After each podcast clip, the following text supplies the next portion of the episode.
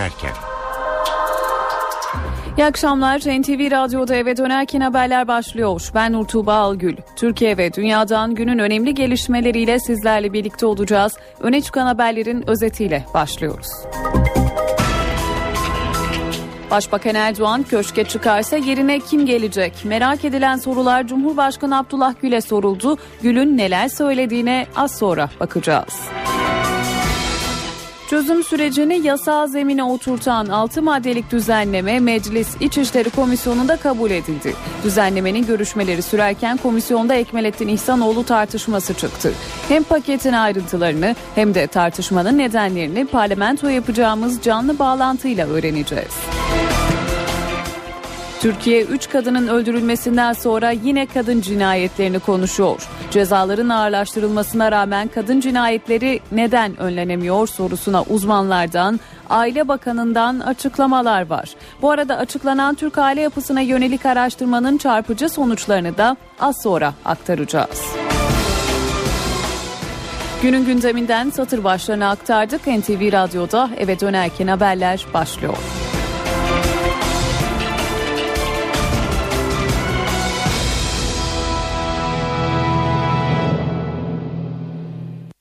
Çözüm sürecini yasal zemine oturtan 6 maddelik paket Meclis İçişleri Komisyonu'ndan geçti. Bugünkü oturumda tansiyon yine yüksekti. Ancak bu kez tartışma çatı aday Ekmelettin İhsanoğlu üzerine çıktı. Hem tartışmanın nedenini hem de paketin ayrıntılarını NTV muhabiri Miray Aktağ Uluç aktarıyor.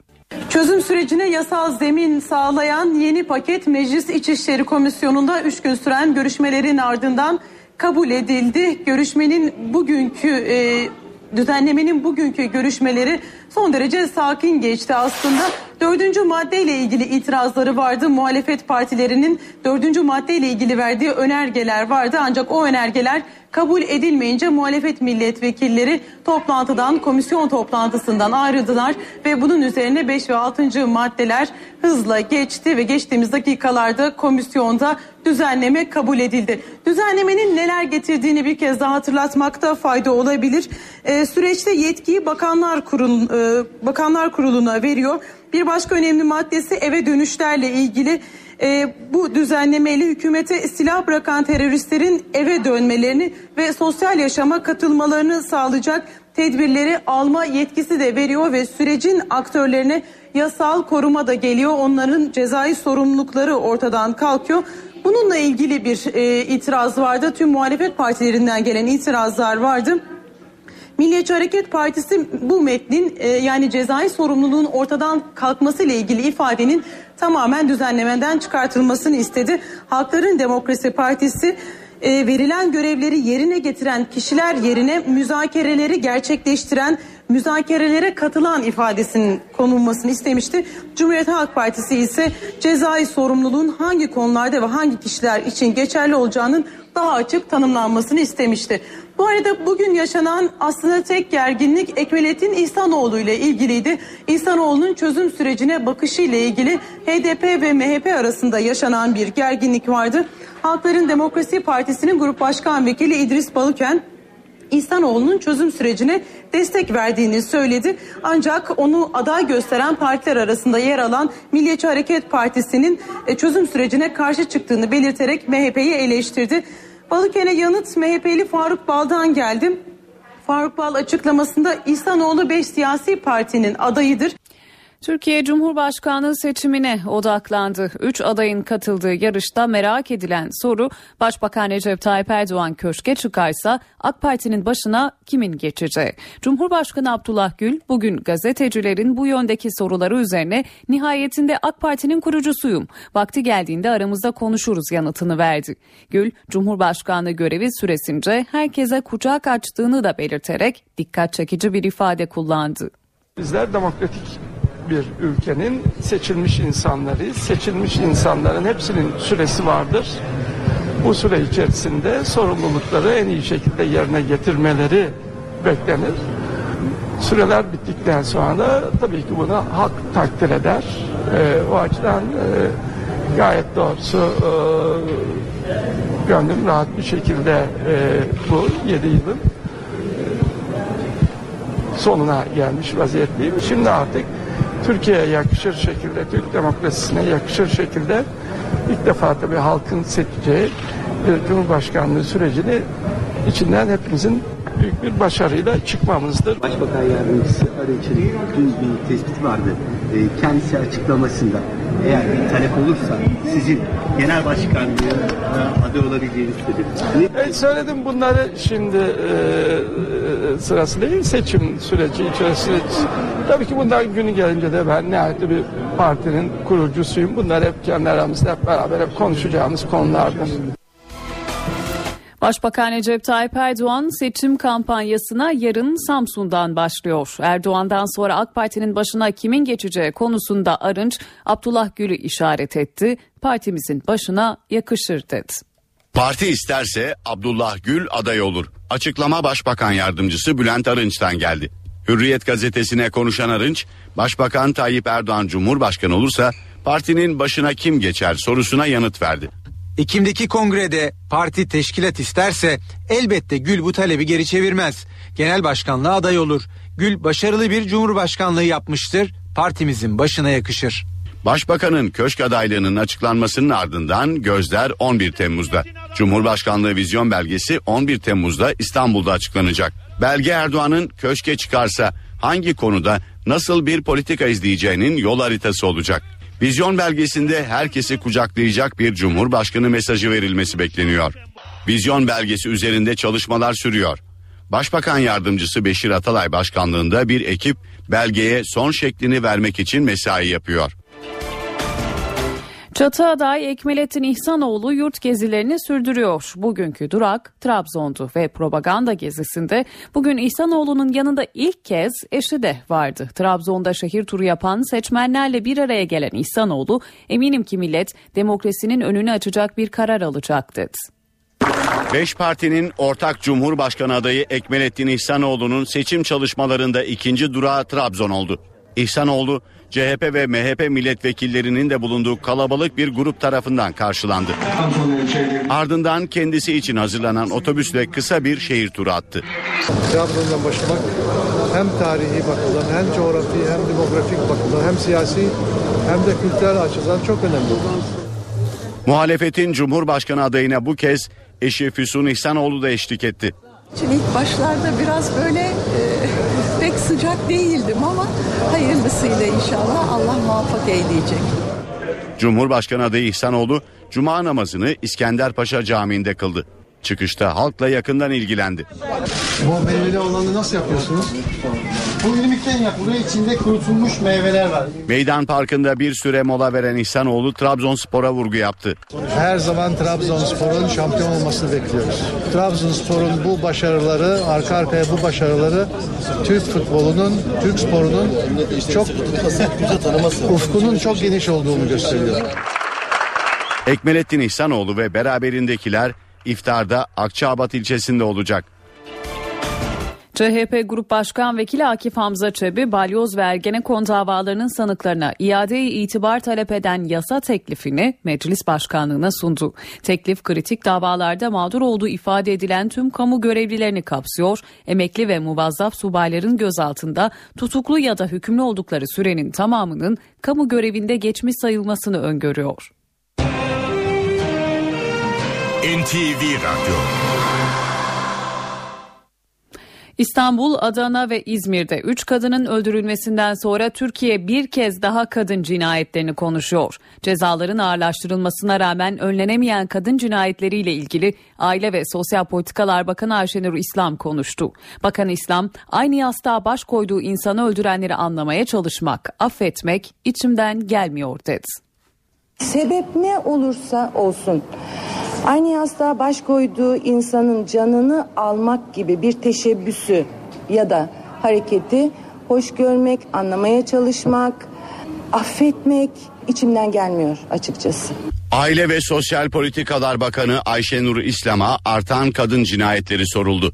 İslam hiçbir mazeret kabul edilemez dedi. Bazı kadınların koruma altındayken öldürüldüğü iddiasını yalanladı. Bizdeki bilgilere göre koruma altında öldürülen herhangi bir kadın yok.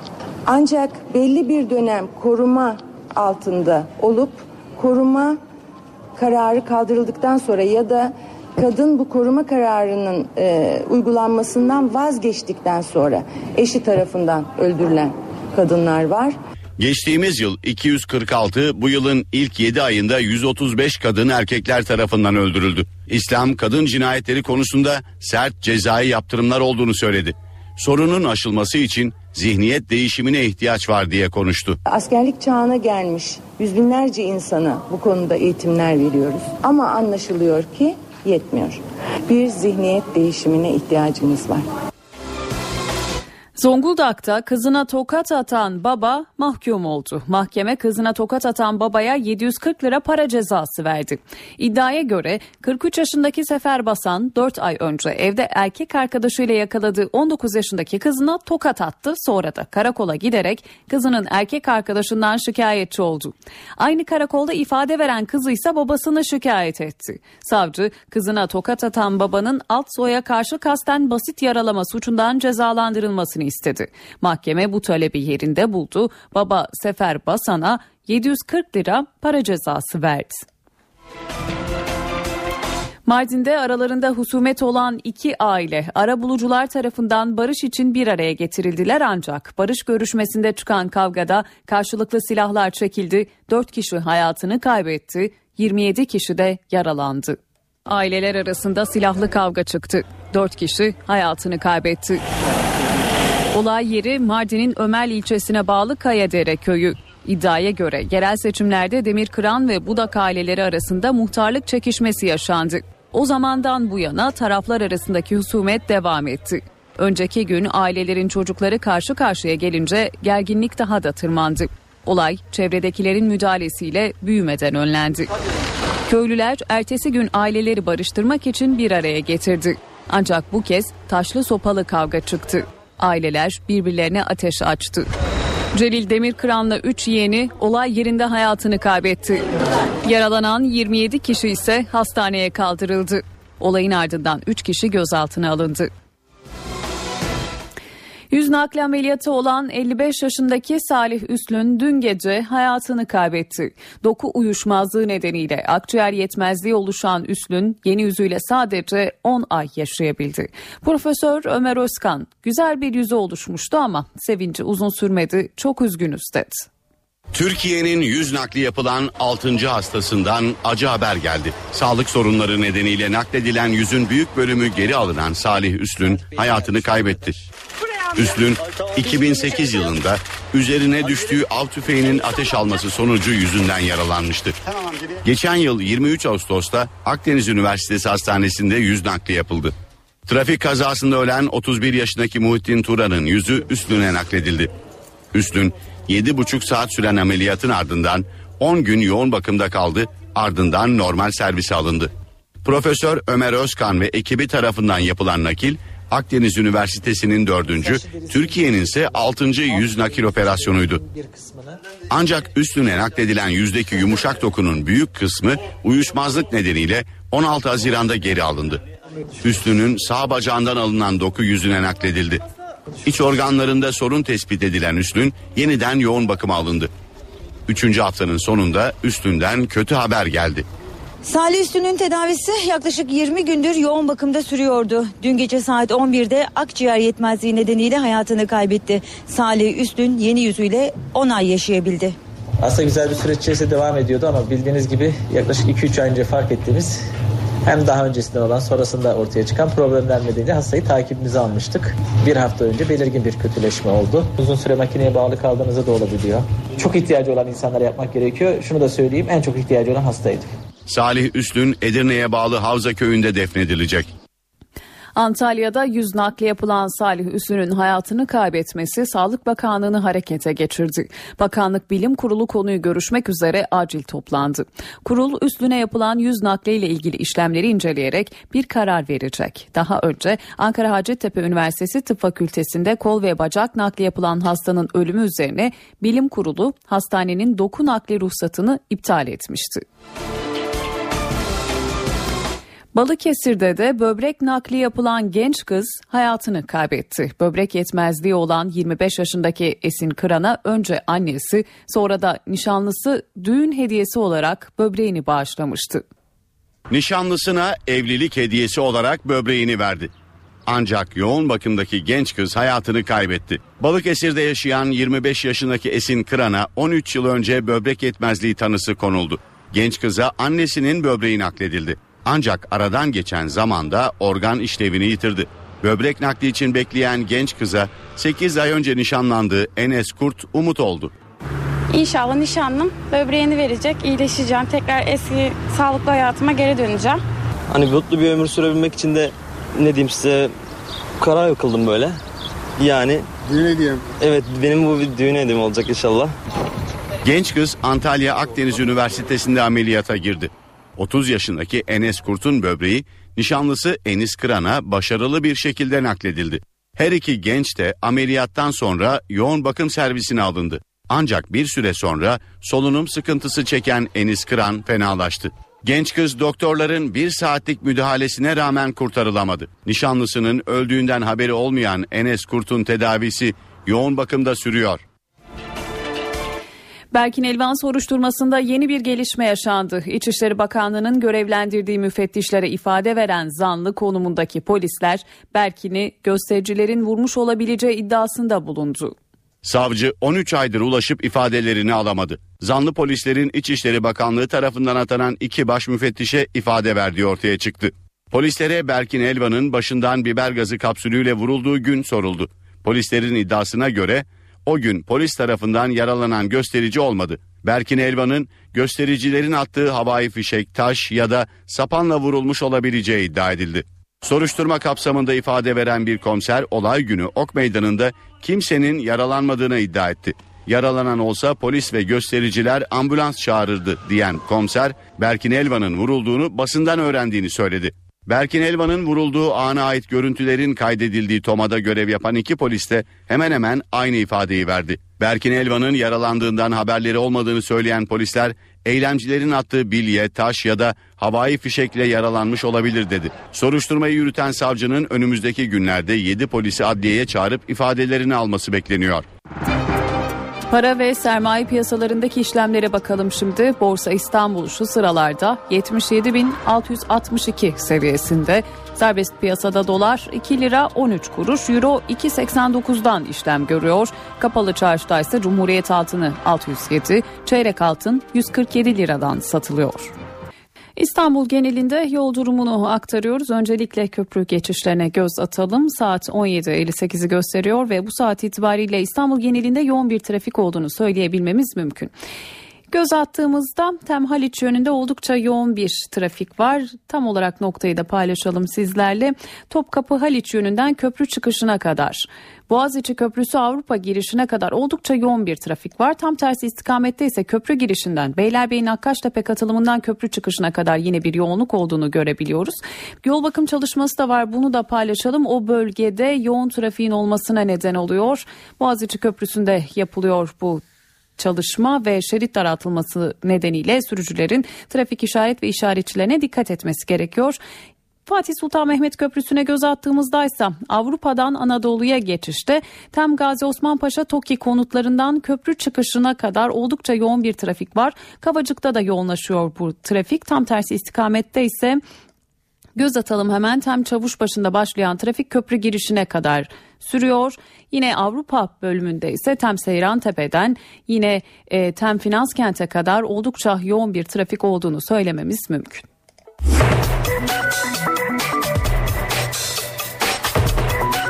Burası NTV Radyo. Saat 18.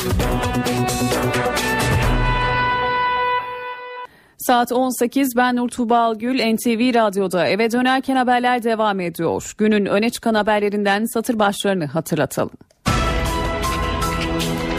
İzmir'deki askeri casusluk davasında 10 sanık tahliye edildi. Dava kapsamında tutuklu sanık kalmadı.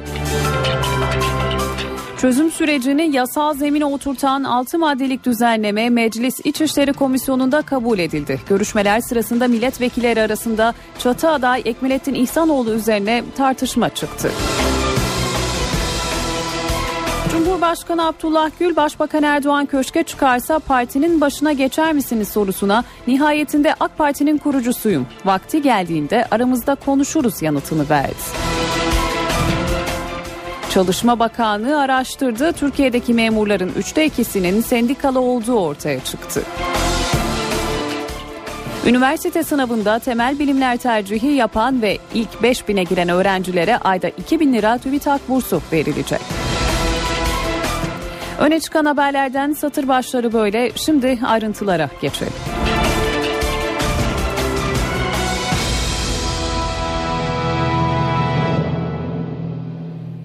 İzmir'deki askeri casusluk davasında 10 sanık tahliye edildi. Dava kapsamında tutuklu sanık kalmadı. Ayrıntıları NTV Ege temsilcisi Meri aktarıyor. 357 kişi hakkında dava açılmıştı. 79 kişi tutuklu, tutukluydu ki bunun 49'u muazzaf askerdi. Geçen Nisan ayında yapılan duruşmada 15 tutukludan sadece 5'i tahliye edilmişti ve arkasından bu duruşmaya gelindi. Bu duruşma 16 Haziran'da başladı oturum.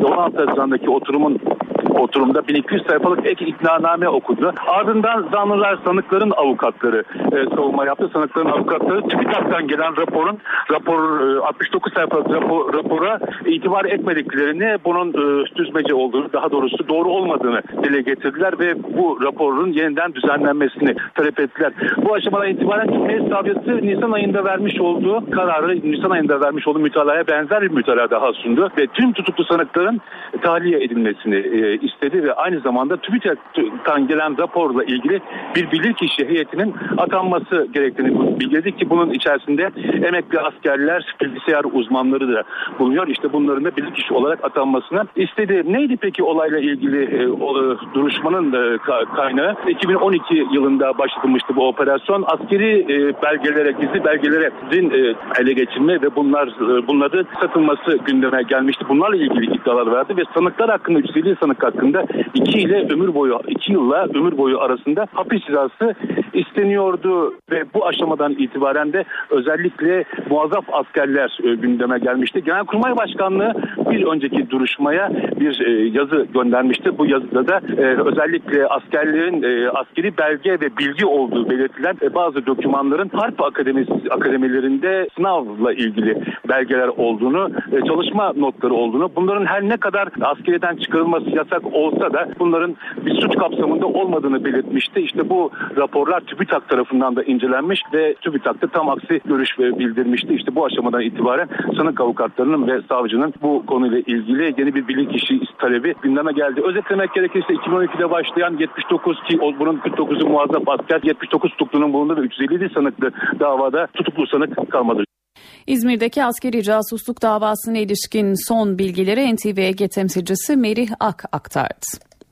Devam edelim. Şimdi meclise gideceğiz. Parlamentoda önemli bir yasa düzenleme görüşülüyor. Çözüm süreci yasal zemine oturtan 6 maddelik paket Meclis İçişleri Komisyonu'ndan geçti. Ayrıntıları NTV muhabiri Miray Aktağ Uluç'tan alacağız. Miray seni dinliyoruz.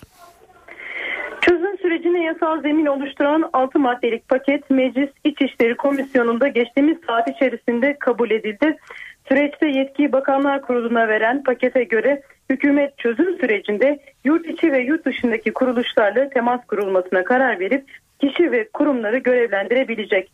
Koordinasyon, kamu düzeni ve güvenliği müsteşarlığının yürütmesini öngören düzenlemeye silah bırakan teröristlerin eve dönmelerini, sosyal yaşama katılmalarını sağlayacak tedbirler almasını sağlıyor hükümetin. Sürecin aktörlerine yasal koruma getiren dördüncü madde ise komisyonda tartışma konusu oldu. Aslında dün 3 madde kabul edilmişti. Bugün 4. maddeyle başladı ve tüm gün boyunca ana tartışma konularından biri de bu dördüncü maddeydi. Çünkü sürecin aktörlerine hem hukuki hem de yasal koruma getiriyordu. Milliyetçi Hareket Partisi maddenin metinden çıkmasını istedi. Halkların Demokrasi Partisi ise verilen görevleri yerine getiren kişilerin ibaresi yerine müzakereleri gerçekleştiren müzakerelere katılan şeklinde ifadenin kullanılmasını istedi.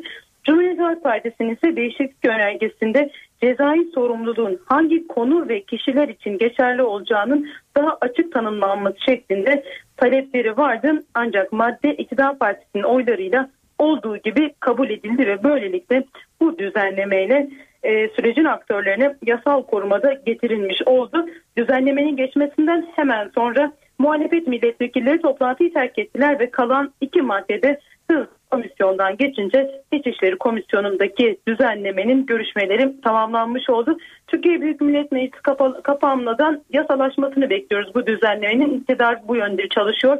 Önümüzdeki haftada genel kurul süreci başlayacak. Peki Miray görüşmeler sürerken komisyonda Ekmelettin İhsanoğlu tartışması çıktı. HDP ile MHP arasındaki bu tartışmanın nedeni neydi? Neler aktaracaksın? Ekmelettin İhsanoğlu muhalefetin uzlaşı adayı e, konu aslında çözüm süreciyle doğrudan ilgili değildi ancak bir noktada e, oraya geldim. Halkların Demokrasi Partisi'nin Grup Başkan Vekili İdris Balıken Ekmelettin İhsanoğlu'nun dün katıldığı bir televizyon programında çözüm sürecine destek verdiğini söyledi ve İhsanoğlu'nu aday gösteren partiler arasında yer alan Milliyetçi Hareket Partisi'nin de çözüm sürecine karşı çıktığını belirterek MHP'yi hedef aldı, MHP'yi eleştirdi. E, ve bu eleştiri üzerine bir anda salonda tansiyon yükseldi. Balıkesir'e yanıt ise Milliyetçi Hareket Partisi'nden Faruk Bal'dan geldi. Faruk Bal yaptığı açıklamada İhsanoğlu 5 siyasi partinin ortak adayıdır. Tek başına MHP'nin siyasi görüşlerini benimsemiş biri değildir. MHP'den farklı düşüncelere sahip olabilir ifadelerini kullandı ve tansiyon sonrasında düştü. Ancak e, hatırlatacağımız gibi e, muhalefetin uzlaşı adayı Ekmelettin İhsanoğlu dün katıldığı bir televizyon programında çözüm sürecine destek verdiğini söylemiş ve barıştan yana olmayan ancak savaştan yana olabilir ifadelerini kullanmıştı. Ve bu nedenle o açıklamalarda bugün komisyonda tartışma konusu oldu ve dediğimiz gibi tüm bu tartışmaların ardından sürecin e, paketin e, komisyon süreci tamamlandı ve bundan sonra genel kurul aşaması başlayacak. Peki NTV muhabiri Miray Aktağ Uluç'a teşekkür edelim ve devam edelim. Türkiye'de gözler Cumhurbaşkanlığı seçimine çevrildi. Üç adayın katıldığı yarışta merak edilen soru Başbakan Erdoğan köşke çıkarsa AK Parti'nin başına kimin geçeceği? Cumhurbaşkanı Abdullah Gül bugün gazetecilerin bu yöndeki soruları üzerine nihayetinde AK Parti'nin kurucusuyum. Vakti geldiğinde aramızda konuşuruz yanıtını verdi. Gül, Cumhurbaşkanlığı görevi süresince herkese kucak açtığını da belirterek dikkat çekici bir ifade kullandı. Bizler demokratik bir ülkenin seçilmiş insanları, seçilmiş insanların hepsinin süresi vardır. Bu süre içerisinde sorumlulukları en iyi şekilde yerine getirmeleri beklenir. Süreler bittikten sonra tabii ki bunu halk takdir eder. Ee, o açıdan e, gayet doğrusu e, gönlüm rahat bir şekilde e, bu 7 yılın sonuna gelmiş vaziyetteyim. Şimdi artık Türkiye'ye yakışır şekilde, Türk demokrasisine yakışır şekilde ilk defa tabii halkın seçeceği bir cumhurbaşkanlığı sürecini içinden hepimizin büyük bir başarıyla çıkmamızdır. Başbakan Yardımcısı Arıç'ın dün bir tespiti vardı. E, kendisi açıklamasında eğer bir talep olursa sizin genel başkanlığı aday olabileceğiniz söyledi. E, söyledim bunları şimdi e, e, sırası değil seçim süreci içerisinde. Tabii ki bunlar günü gelince de ben nihayetli bir partinin kurucusuyum. Bunlar hep kendi aramızda hep beraber hep konuşacağımız konulardır. Başbakan Recep Tayyip Erdoğan seçim kampanyasına yarın Samsun'dan başlıyor. Erdoğan, Erdoğan'dan sonra AK Parti'nin başına kimin geçeceği konusunda Arınç Abdullah Gül'ü işaret etti. Partimizin başına yakışır dedi. Parti isterse Abdullah Gül aday olur. Açıklama Başbakan Yardımcısı Bülent Arınç'tan geldi. Hürriyet gazetesine konuşan Arınç, Başbakan Tayyip Erdoğan Cumhurbaşkanı olursa partinin başına kim geçer sorusuna yanıt verdi. Ekim'deki kongrede parti teşkilat isterse elbette Gül bu talebi geri çevirmez. Genel başkanlığa aday olur. Gül başarılı bir cumhurbaşkanlığı yapmıştır. Partimizin başına yakışır. Başbakanın köşk adaylığının açıklanmasının ardından gözler 11 Temmuz'da. Cumhurbaşkanlığı vizyon belgesi 11 Temmuz'da İstanbul'da açıklanacak. Belge Erdoğan'ın köşke çıkarsa hangi konuda nasıl bir politika izleyeceğinin yol haritası olacak. Vizyon belgesinde herkesi kucaklayacak bir cumhurbaşkanı mesajı verilmesi bekleniyor. Vizyon belgesi üzerinde çalışmalar sürüyor. Başbakan yardımcısı Beşir Atalay başkanlığında bir ekip belgeye son şeklini vermek için mesai yapıyor. Çatı aday Ekmelettin İhsanoğlu yurt gezilerini sürdürüyor. Bugünkü durak Trabzon'du ve propaganda gezisinde bugün İhsanoğlu'nun yanında ilk kez eşi de vardı. Trabzon'da şehir turu yapan seçmenlerle bir araya gelen İhsanoğlu eminim ki millet demokrasinin önünü açacak bir karar alacak dedi. Beş partinin ortak Cumhurbaşkanı adayı Ekmelettin İhsanoğlu'nun seçim çalışmalarında ikinci durağı Trabzon oldu. İhsanoğlu CHP ve MHP milletvekillerinin de bulunduğu kalabalık bir grup tarafından karşılandı. Ardından kendisi için hazırlanan otobüsle kısa bir şehir turu attı. Trabzon'dan başlamak hem tarihi bakımdan hem coğrafi hem demografik bakımdan hem siyasi hem de kültürel açıdan çok önemli. Muhalefetin Cumhurbaşkanı adayına bu kez eşi Füsun İhsanoğlu da eşlik etti. Için ilk başlarda biraz böyle e, pek sıcak değildim ama hayırlısıyla inşallah Allah muvaffak eyleyecek. Cumhurbaşkanı adayı İhsanoğlu Cuma namazını İskenderpaşa Camii'nde kıldı. Çıkışta halkla yakından ilgilendi. Bu meyveli olanı nasıl yapıyorsunuz? Bu irmikten yapılıyor. İçinde kurutulmuş meyveler var. Meydan Parkı'nda bir süre mola veren İhsanoğlu Trabzonspor'a vurgu yaptı.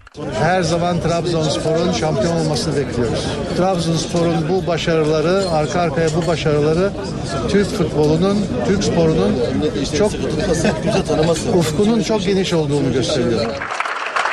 Ekmelettin İhsanoğlu ve beraberindekiler iftarda Akçaabat ilçesinde olacak. Yasa gereği Cumhurbaşkanı adayları mal beyanlarını dün Yüksek Seçim Kurulu'na bildirdi. Açıklanan mal varlıkları siyasette de yeni bir tartışma konusu oldu. Muhalefet Başbakanın mal varlığını gündemine aldı. CHP'li Atilla Kart Başbakanın mal varlığını ailesine aktardığını öne sürdü. Ankara Cumhuriyet Başsavcılığına suç duyurusunda bulundu. MHP Grup Başkan Vekili Oktay Vural Başbakanın mal varlığını güncellemeyi unuttuğunu öne sürdü. Başbakanın Cumhurbaşkanı adayı olmasının ardından açıkladığı mal varlığı siyasetin yeni tartışma konusu. MHP Grup Başkan Vekili Oktay Vural Başbakanın mal varlığını güncellemeyi unuttuğunu öne sürdü. Başbakanın bir evi bile yok. Keşke şu TOKİ'de yaptığı evlerden birine girse de gerçekten bir ev sahibi olsa. CHP milletvekili Atilla Kartsa Başbakanın mal varlığını ailesine aktardığını öne sürdü. Ankara Cumhuriyet Başsavcılığına suç duyurusunda bulundu. Başbakanın e, Cumhurbaşkanı adayı olarak yaptığı açıklamada daha evvel kamuoyuna yansıyan ve başbakanlık sitesinde yer alan mal varlığı dışında başka bir mal varlığı görünmüyor.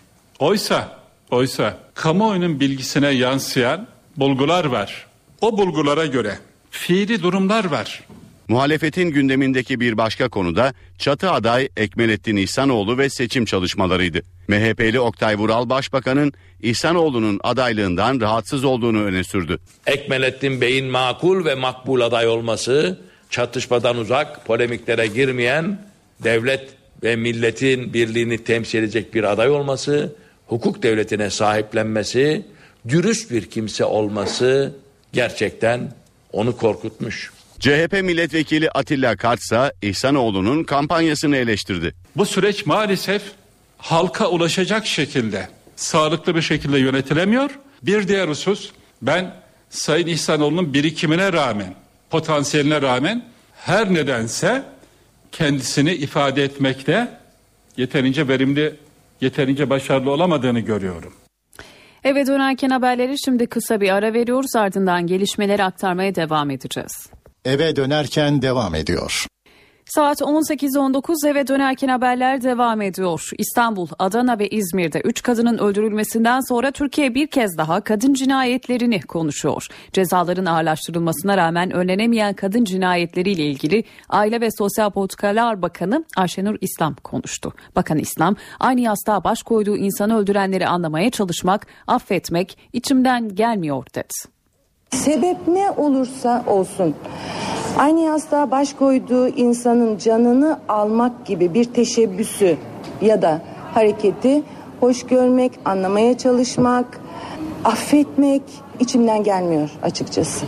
Aile ve Sosyal Politikalar Bakanı Ayşenur İslam'a artan kadın cinayetleri soruldu. İslam hiçbir mazeret kabul edilemez dedi. Bazı kadınların koruma altındayken öldürüldüğü iddiasını yalanladı. Bizdeki bilgilere göre koruma altında öldürülen herhangi bir kadın yok. Ancak belli bir dönem koruma altında olup koruma kararı kaldırıldıktan sonra ya da kadın bu koruma kararının e, uygulanmasından vazgeçtikten sonra eşi tarafından öldürülen kadınlar var. Geçtiğimiz yıl 246, bu yılın ilk 7 ayında 135 kadın erkekler tarafından öldürüldü. İslam kadın cinayetleri konusunda sert cezai yaptırımlar olduğunu söyledi. Sorunun aşılması için zihniyet değişimine ihtiyaç var diye konuştu. Askerlik çağına gelmiş yüz binlerce insana bu konuda eğitimler veriyoruz. Ama anlaşılıyor ki yetmiyor. Bir zihniyet değişimine ihtiyacımız var. Aile ve Sosyal Politikalar Bakanlığı Türk aile yapısının röntgenini çekti. Rapora göre Türkiye'de evliliklerin yarısı görücü usulüyle yapılıyor. Erkeklerin %85'i öncelikle evleneceği kadının ilk ilişkisi olmak istiyor. Kadınlarsa evleneceği erkeğin öncelikle iş sahibi olmasını istiyor ve boşanan her 5 kadından biri eşinden şiddet gördüğünü belirtiyor. Evliliklerin yarısı görücü usulüyle yapılıyor. Boşanan her 5 kadından biri şiddet görüyor. Bu çarpıcı rakamları Aile ve Sosyal Politikalar Bakanlığı'nın 2006 ve 2011 yıllarında 140 binin üzerinde kişiyle yaptığı araştırmalara dayanan rapordan. Rapora göre Türkiye'de ailelerin %49'u apartman dairesinde, %25'i müstakil konutta, %15'i gece konduda yaşıyor. Konutların %50'si ise odun kömür sobasıyla ısınıyor. Türkiye'de evliliklerin %87'si 18-29 yaş arasında yapılıyor.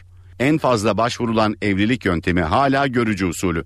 Erkeklerin %85'i evleneceği kadının ilk kocası olmak istiyor. Kadınların %92'si içinse öncelik eşinin iş sahibi olması. Boşanmalarda en etkili gerekçe ise ilgisizlik. Boşanan her 5 kadından biri ise eşinden şiddet gördüğünü belirtiyor.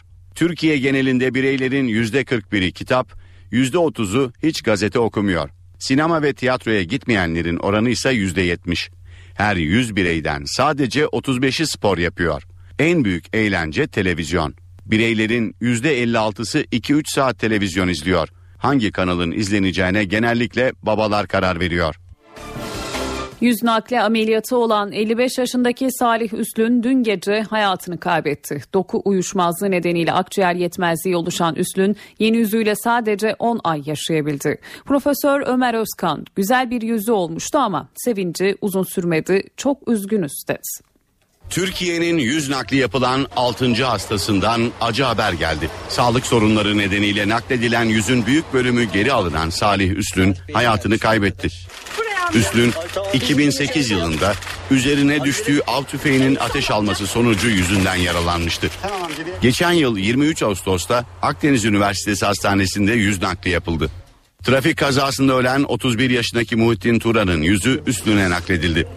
Üslün 7,5 saat süren ameliyatın ardından 10 gün yoğun bakımda kaldı ardından normal servise alındı. Profesör Ömer Özkan ve ekibi tarafından yapılan nakil Akdeniz Üniversitesi'nin dördüncü, Türkiye'nin ise altıncı yüz nakil operasyonuydu. Ancak üstüne nakledilen yüzdeki yumuşak dokunun büyük kısmı uyuşmazlık nedeniyle 16 Haziran'da geri alındı. Üstünün sağ bacağından alınan doku yüzüne nakledildi. İç organlarında sorun tespit edilen Üstün yeniden yoğun bakıma alındı. Üçüncü haftanın sonunda üstünden kötü haber geldi. Salih Üstün'ün tedavisi yaklaşık 20 gündür yoğun bakımda sürüyordu. Dün gece saat 11'de akciğer yetmezliği nedeniyle hayatını kaybetti. Salih Üstün yeni yüzüyle 10 ay yaşayabildi. Aslında güzel bir süreç içerisinde devam ediyordu ama bildiğiniz gibi yaklaşık 2-3 ay önce fark ettiğimiz hem daha öncesinden olan sonrasında ortaya çıkan problemler nedeniyle hastayı takibimize almıştık. Bir hafta önce belirgin bir kötüleşme oldu. Uzun süre makineye bağlı kaldığınızda da olabiliyor. Çok ihtiyacı olan insanlara yapmak gerekiyor. Şunu da söyleyeyim en çok ihtiyacı olan hastaydı. Salih Üslün Edirne'ye bağlı Havza köyünde defnedilecek. Antalya'da yüz nakli yapılan Salih Hüsnü'nün hayatını kaybetmesi Sağlık Bakanlığı'nı da harekete geçirdi. Bakanlık Bilim Kurulu konuyu görüşmek üzere acil toplandı. Kurul Üslü'ne yapılan yüz nakli ile ilgili işlemleri inceleyerek bir karar verecek. Daha önce Ankara Hacettepe Üniversitesi Tıp Fakültesi'nde kol ve bacak nakli yapılan hastanın ölümü üzerine Bilim Kurulu hastanenin doku nakli ruhsatını iptal etmişti. Devam edelim. Balıkesir'de de böbrek nakli yapılan genç kız hayatını kaybetti. Böbrek yetmezliği olan 25 yaşındaki Esin Kıran'a önce annesi sonra da nişanlısı düğün hediyesi olarak böbreğini bağışlamıştı. Nişanlısına evlilik hediyesi olarak böbreğini verdi. Ancak yoğun bakımdaki genç kız hayatını kaybetti. Balıkesir'de yaşayan 25 yaşındaki Esin Kıran'a 13 yıl önce böbrek yetmezliği tanısı konuldu. Genç kıza annesinin böbreği nakledildi. Ancak aradan geçen zamanda organ işlevini yitirdi. Böbrek nakli için bekleyen genç kıza 8 ay önce nişanlandığı Enes Kurt umut oldu. İnşallah nişanlım böbreğini verecek, iyileşeceğim. Tekrar eski sağlıklı hayatıma geri döneceğim. Hani mutlu bir ömür sürebilmek için de ne diyeyim size karar kıldım böyle. Yani Düğün hediyem. evet benim bu bir düğün hediyem olacak inşallah. Genç kız Antalya Akdeniz Üniversitesi'nde ameliyata girdi. 30 yaşındaki Enes Kurt'un böbreği nişanlısı Enis Kıran'a başarılı bir şekilde nakledildi. Her iki genç de ameliyattan sonra yoğun bakım servisine alındı. Ancak bir süre sonra solunum sıkıntısı çeken Enis Kıran fenalaştı. Genç kız doktorların bir saatlik müdahalesine rağmen kurtarılamadı. Nişanlısının öldüğünden haberi olmayan Enes Kurt'un tedavisi yoğun bakımda sürüyor. Musul'da Irak Şam İslam Devleti Örgütü tarafından kaçırılan ve 23 gün sonra serbest bırakılan 32 Türk tır şoförü dün gece saatlerinde evlerine ulaştı. Şoförlerin evlerinde bayram havası vardı. 23 günlük esaretin ardından aileleriyle hasret giderdiler. İşit tarafından kaçırılan 32 Türk şoförden 4'ü Şırnak'ın Silop ilçesine gece yarısı ulaştı. Doruklu köyünde bayram havası vardı. Şoförlerden Ramazan Şimşek, Irak'ta kötü muameleye maruz kalmadıklarını söyledi. Herhangi bir saldırıya bir e, kötü muamelede maruz kalmadık. Normal yaşadığımızı yaşadık. Servet Karakansa iş için Irak'a tekrar dönmeyi düşünüyor. tekrar Kuzey Irak'a gitmeyi düşünüyor musunuz? Düşünüyoruz tabii. İşimizi mi bırakacağız? Mardin Kızıltepe'de de benzer görüntüler vardı. Şoför Mehmet Sait Çobanoğlu yakınlarıyla uzun uzun hasret giderdi.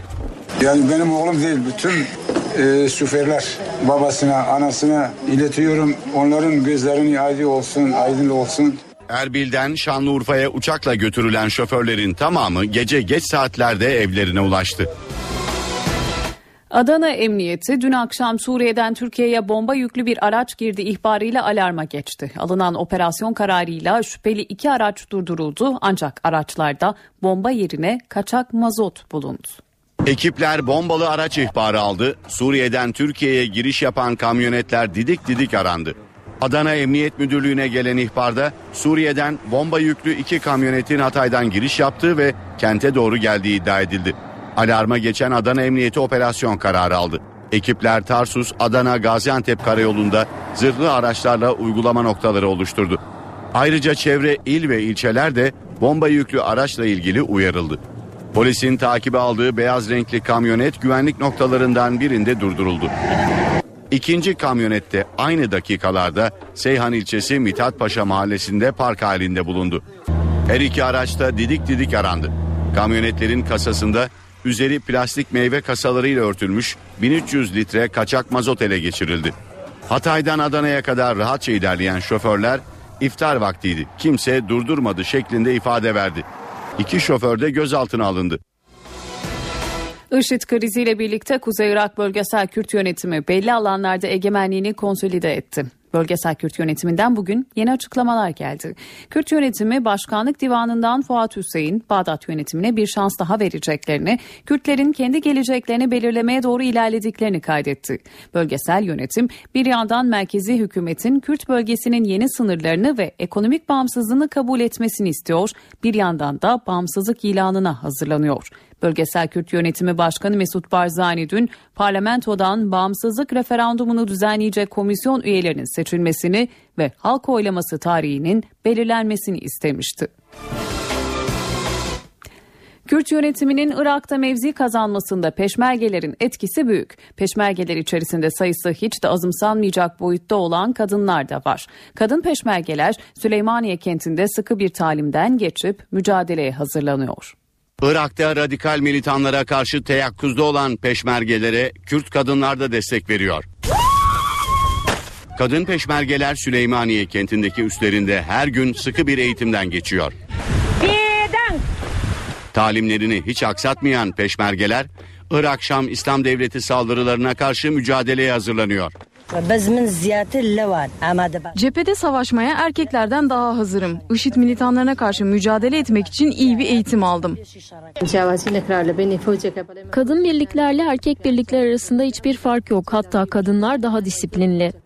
Irak'ta IŞİD militanlarının ilerleyişi karşısında çekilen ordu birliklerinin yerini birçok bölgede peşmergeler aldı. Peşmergeler petrol zengini Kerkük'ün de kontrolünü ele geçirmiş durumda.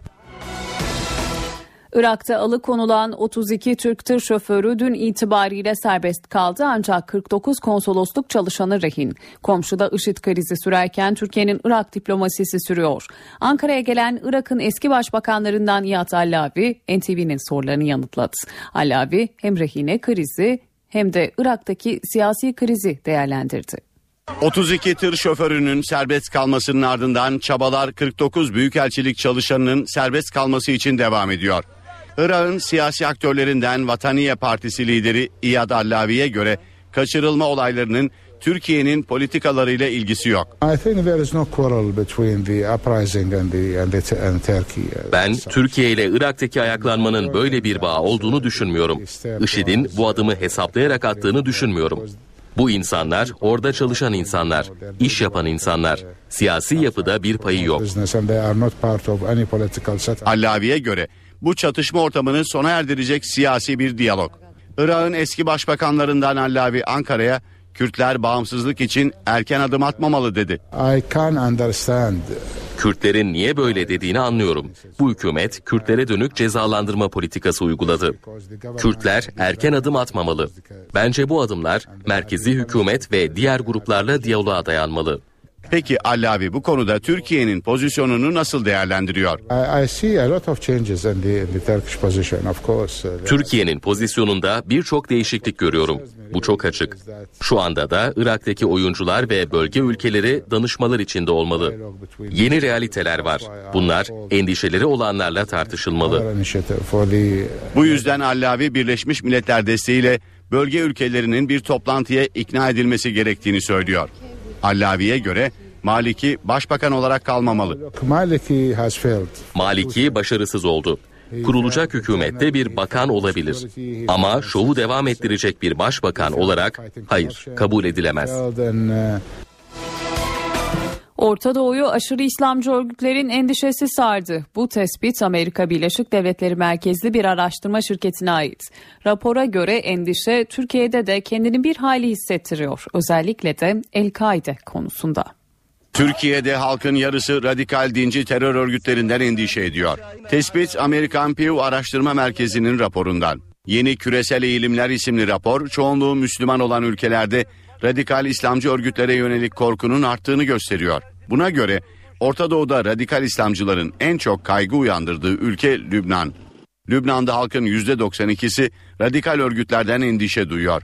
Bu oran Tunus'ta %80, Mısır'da %75, Ürdün'de %62, Türkiye'de ise %50.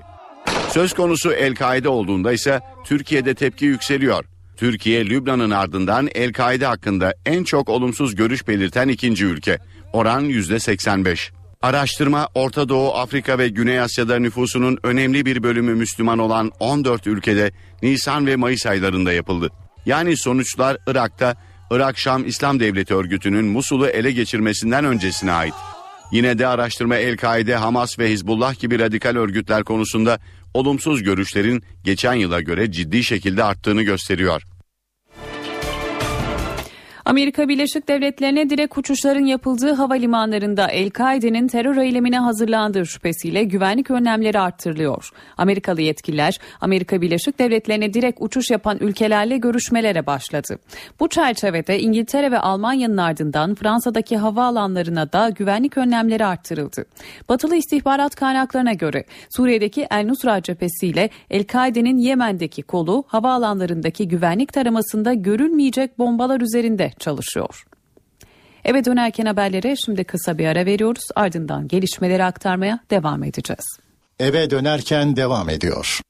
Saat 18.40 eve dönerken haberler devam ediyor. Üniversite sınavında temel bilimler tercihi yapan ve ilk 5000'e giren öğrencilere ayda 2000 lira TÜBİTAK bursu verilecek. Bursun detaylarını Bilim, Sanayi ve Teknoloji Bakanı Fikri Işık açıkladı.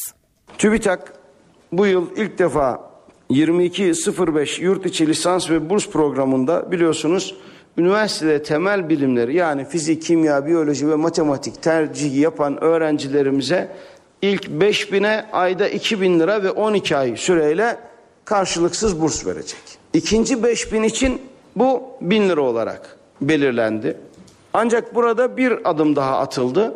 O da çift ana dal programında ana dallardan bir tanesini temel bilimler seçen ki özellikle ikinci ana dal olur bu. Öğrencilerimize de ayda 750 lira burs vereceğiz. Örneğin tıp fakültesini tercih eden bir öğrenci ikinci ana dal olarak da biyolojiyi tercih ederse veya matematik, fizik, kimya da tercih edebilir. Ayda 750 lira burs alacak. Ayda 750 liralık burs da Türkiye şartlarında ve iyi bir burstur.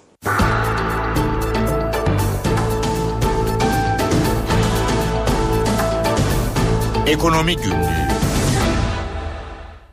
Türkiye'de çalışanlar ne kadar örgütlü? Çalışma Bakanlığı memurların sendikalaşma oranını araştırdı. Çıkan verileri NTV Ankara İstihbarat Şefi Ahmet Ergen Ekonomi Günlüğü'nde anlatacak. Ahmet. Çalışma ve Sosyal Güvenlik Bakanlığı'nın bugünkü resmi gazetede yayınlanan istatistiklerine göre Türkiye'de 3 memurdan e, ikisi sendikalı. Sendikalaşma oranı memurlar arasında %70,03. Bu rakamların detaylarını aktaracağız ama belki bir karşılaştırma açısından e, fikir verecek diğer bir notu aktaralım. İşçiler arasında sendikalaşma oranı %9,45 Türkiye'de. Kayıtlı işçi sayısı 11,6 milyon sendikalı işçi sayısı ise 1 milyon 96 bin. Ve bu rakamla birlikte oransal olarak bakıldığında işçilerde sendikalaşma oranı sadece %9,45 Avrupa Birliği ortalaması işçilerin sendikalaşmasında %23 OECD üyesi ülkelerin ortalaması ise %17. Memurlarda ise söylediğimiz gibi bugün açıklanan son verilere göre %70,03 sendikalaşma oranı bu oran geçen yıl Temmuz ayında %68,77 idi. Bakanlık kayıtlarına göre Türkiye'de şu an itibariyle 2 milyon 270 bin 558 memur var. Bunlardan 1 milyon 589 bin 964'ü sendikalı 11 iş kolunda 136 memur sendikası faaliyet gösteriyor Türkiye'de ve bu 11 iş kolunda e, son yıllarda memur sen e, ağırlıklı bir e, durum söz konusuydu yetki açısından. Memur sen e, aynı pozisyonunu devam ettirmiş görünüyor. Üstelik güçlendirerek 11 iş kolunun tamamında memur sene bağlı sendikalar yetkili hale geldi. Geçen yıl yapılan değerlendirmede e, Kamu Emekçileri Sendikaları Konfederasyonu Kültür ve Sanat Hizmetleri e, iş kolunda yetkili konfederasyondu. Ancak memur sen bu iş kolunda da e, çoğunluğu elde etti ve yetkili konfederasyon haline geldi. Önümüzdeki dönemde hükümetle memurlar arasında sürdürülecek toplu sözleşme görüşmelerinde bu verilere göre sadece memur sen temsilcilerinin olması da sağlanmış, gerçekleşmiş olacak. NTV Ankara İstihbarat Şefi Ahmet Ergen ekonomi günlüğünü paylaştı. Devam edelim. Fethiye'nin dünyaca ünlü Ölüdeniz ve Belcakız plajlarının özel şirkete verilmesi ihalesi durduruldu. Yılda yaklaşık 8 milyon lira gelir getirdiği belirtilen plajlar yıllık 2 milyon 690 bin liraya ihale edildi. Bunun üzerine Muğla 1. İdare Mahkemesi'ne ihalenin iptal istemiyle açılan davayı kabul eden mahkeme ihalenin yürütmesini durdurdu.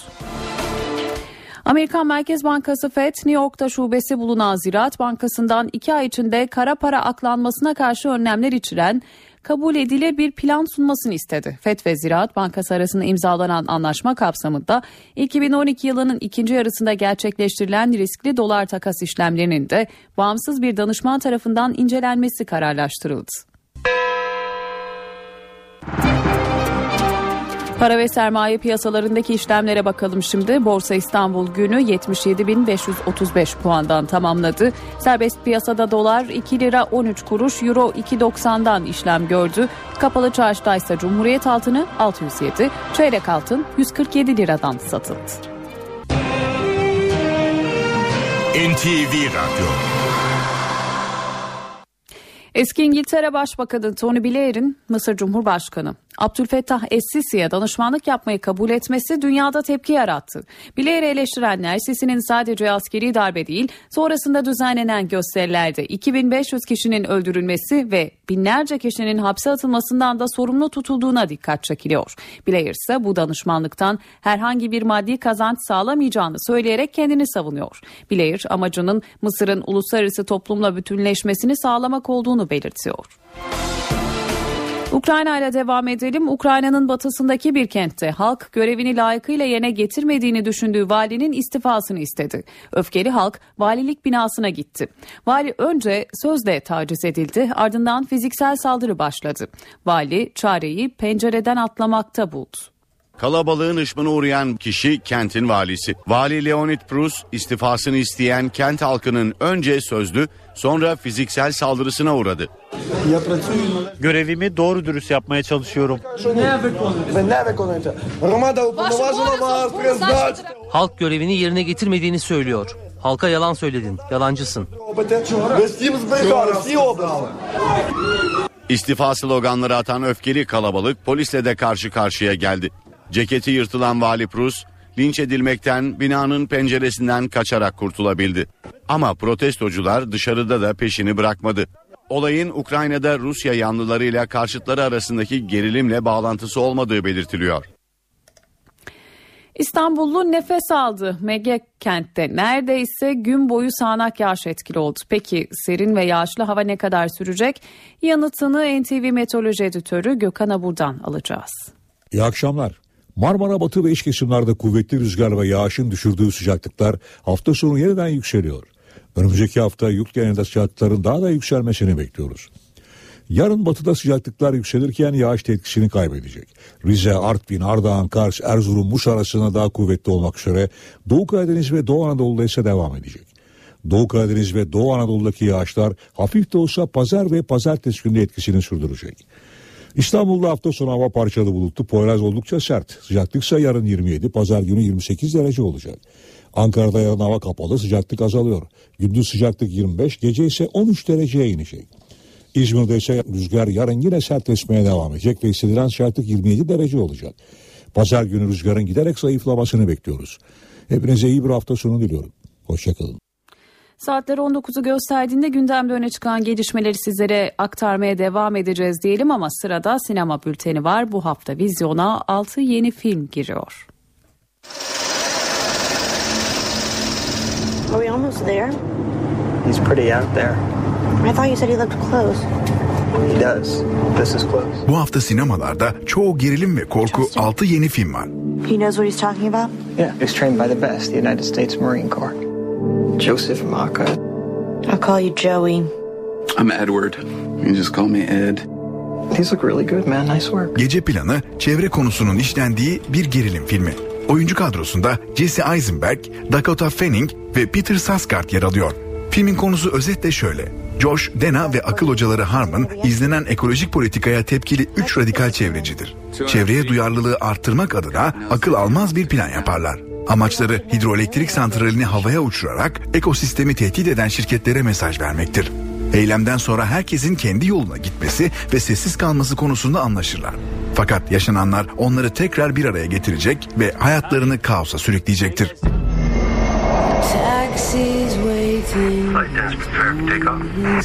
Excuse me, all electronic devices must be turned off. Total urban myth, by the way. I guarantee you I leave this thing on, nothing will happen. Haftanın diğer gerilim filmi de Uçuş 7500. Film 273 yolcusuyla Los Angeles'tan Tokyo'ya uçan bir uçakta geçen korku dolu anlar etrafında gelişiyor. Who is it? Hello, Miss Katie. What are you doing here? I'm not bad guy. I have work to do.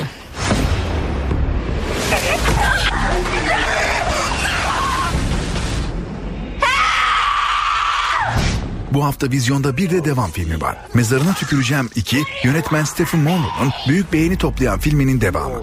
Film New York'ta yaşamını modellikle sürdürmeye çalışan güzel Kate'nin yaşamını konu alıyor. I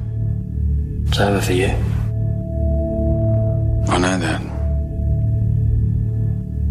Whatever you think's over for me was over a long time ago.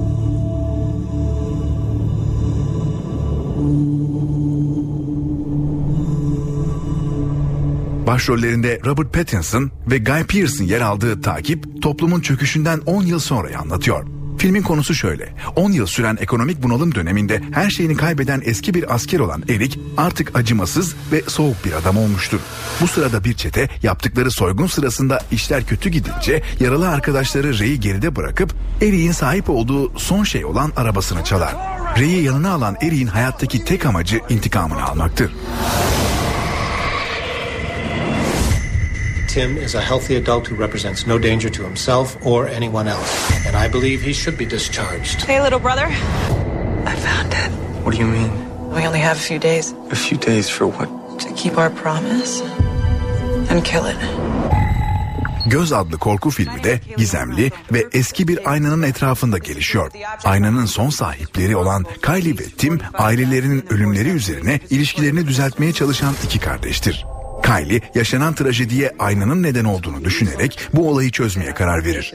Kylie olayları araştırmaya başladıkça tarih kendini tekrarlayacaktır. Kardeşlerin ilişkileri daha da kötüleşir, neyin gerçek olduğunu anlayamaz bir hale gelirler. Çünkü onlar da aynanın tutsağı haline gelmişlerdir. Señor Larrea, esto no tendría que haber sido así. Que me encantaría decirle que todo ha salido muy bien, que nos hemos entendido perfectamente, que se va usted para su casa, pero... Çaylaklar Çetesi filmi ise haftanın tek komedi filmi. Filmi Santi Amodeo yönetiyor.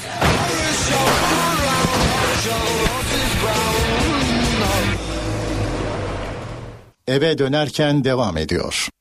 Saat 19 ben Nur Tuğba Algül eve dönerken haberlerde günün öne çıkan başlıklarını aktarıyoruz. Çözüm sürecine yasal zemin sağlayan 6 maddelik paket Meclis İçişleri Komisyonu'nda kabul edildi. Cumhurbaşkanı Abdullah Gül, Başbakan Erdoğan köşke çıkarsa partinin başına geçer misiniz sorusuna nihayetinde AK Parti'nin kurucusuyum. Vakti geldiğinde aramızda konuşuruz yanıtını verdi. İzmir'deki askeri casusluk davasında 10 sanık tahliye edildi. Dava kapsamında tutuklu sanık kalmadı. Ziya Tasalı'nın ABD'li turist Saray Sierra'yı öldürmek suçundan müebbet hapis cezasına çarptırıldığı davanın gerekçeli kararı açıklandı. Kararda sanığın maktuleyi cinsel saldırıda bulunmak eylemini engellemesi nedeniyle öldürdüğü anlaşılmıştır denildi. Mahkeme sanığın pişman olduğunu söylemesi nedeniyle ağırlaştırılmış müebbet hapis cezası verilmediğini belirtti. Antalya'da yüz nakli yapılan Salih Üstün'ün hayatını kaybetmesi üzerine Sağlık Bakanlığı harekete geçti. Bakanlık Bilim Kurulu konuyu görüşmek üzere acil toplandı. Kurul Salih Üstün'e yapılan yüz nakli ile ilgili işlemleri inceleyecek. Ardından da nihai karar verilecek. Daha önce Hacettepe Üniversitesi Tıp Fakültesi'nde kol ve bacak naklinin ölümle sonuçlanmasının ardından doku nakli ruhsatı iptal edilmişti. Çalışma Bakanlığı araştırdı. Türkiye'deki memurların üçte ikisinin sendikalı olduğu ortaya çıktı. Üniversite sınavında temel bilimler tercihi yapan ve ilk 5000'e giren öğrencilere ayda 2000 lira TÜBİTAK kursu verilecek.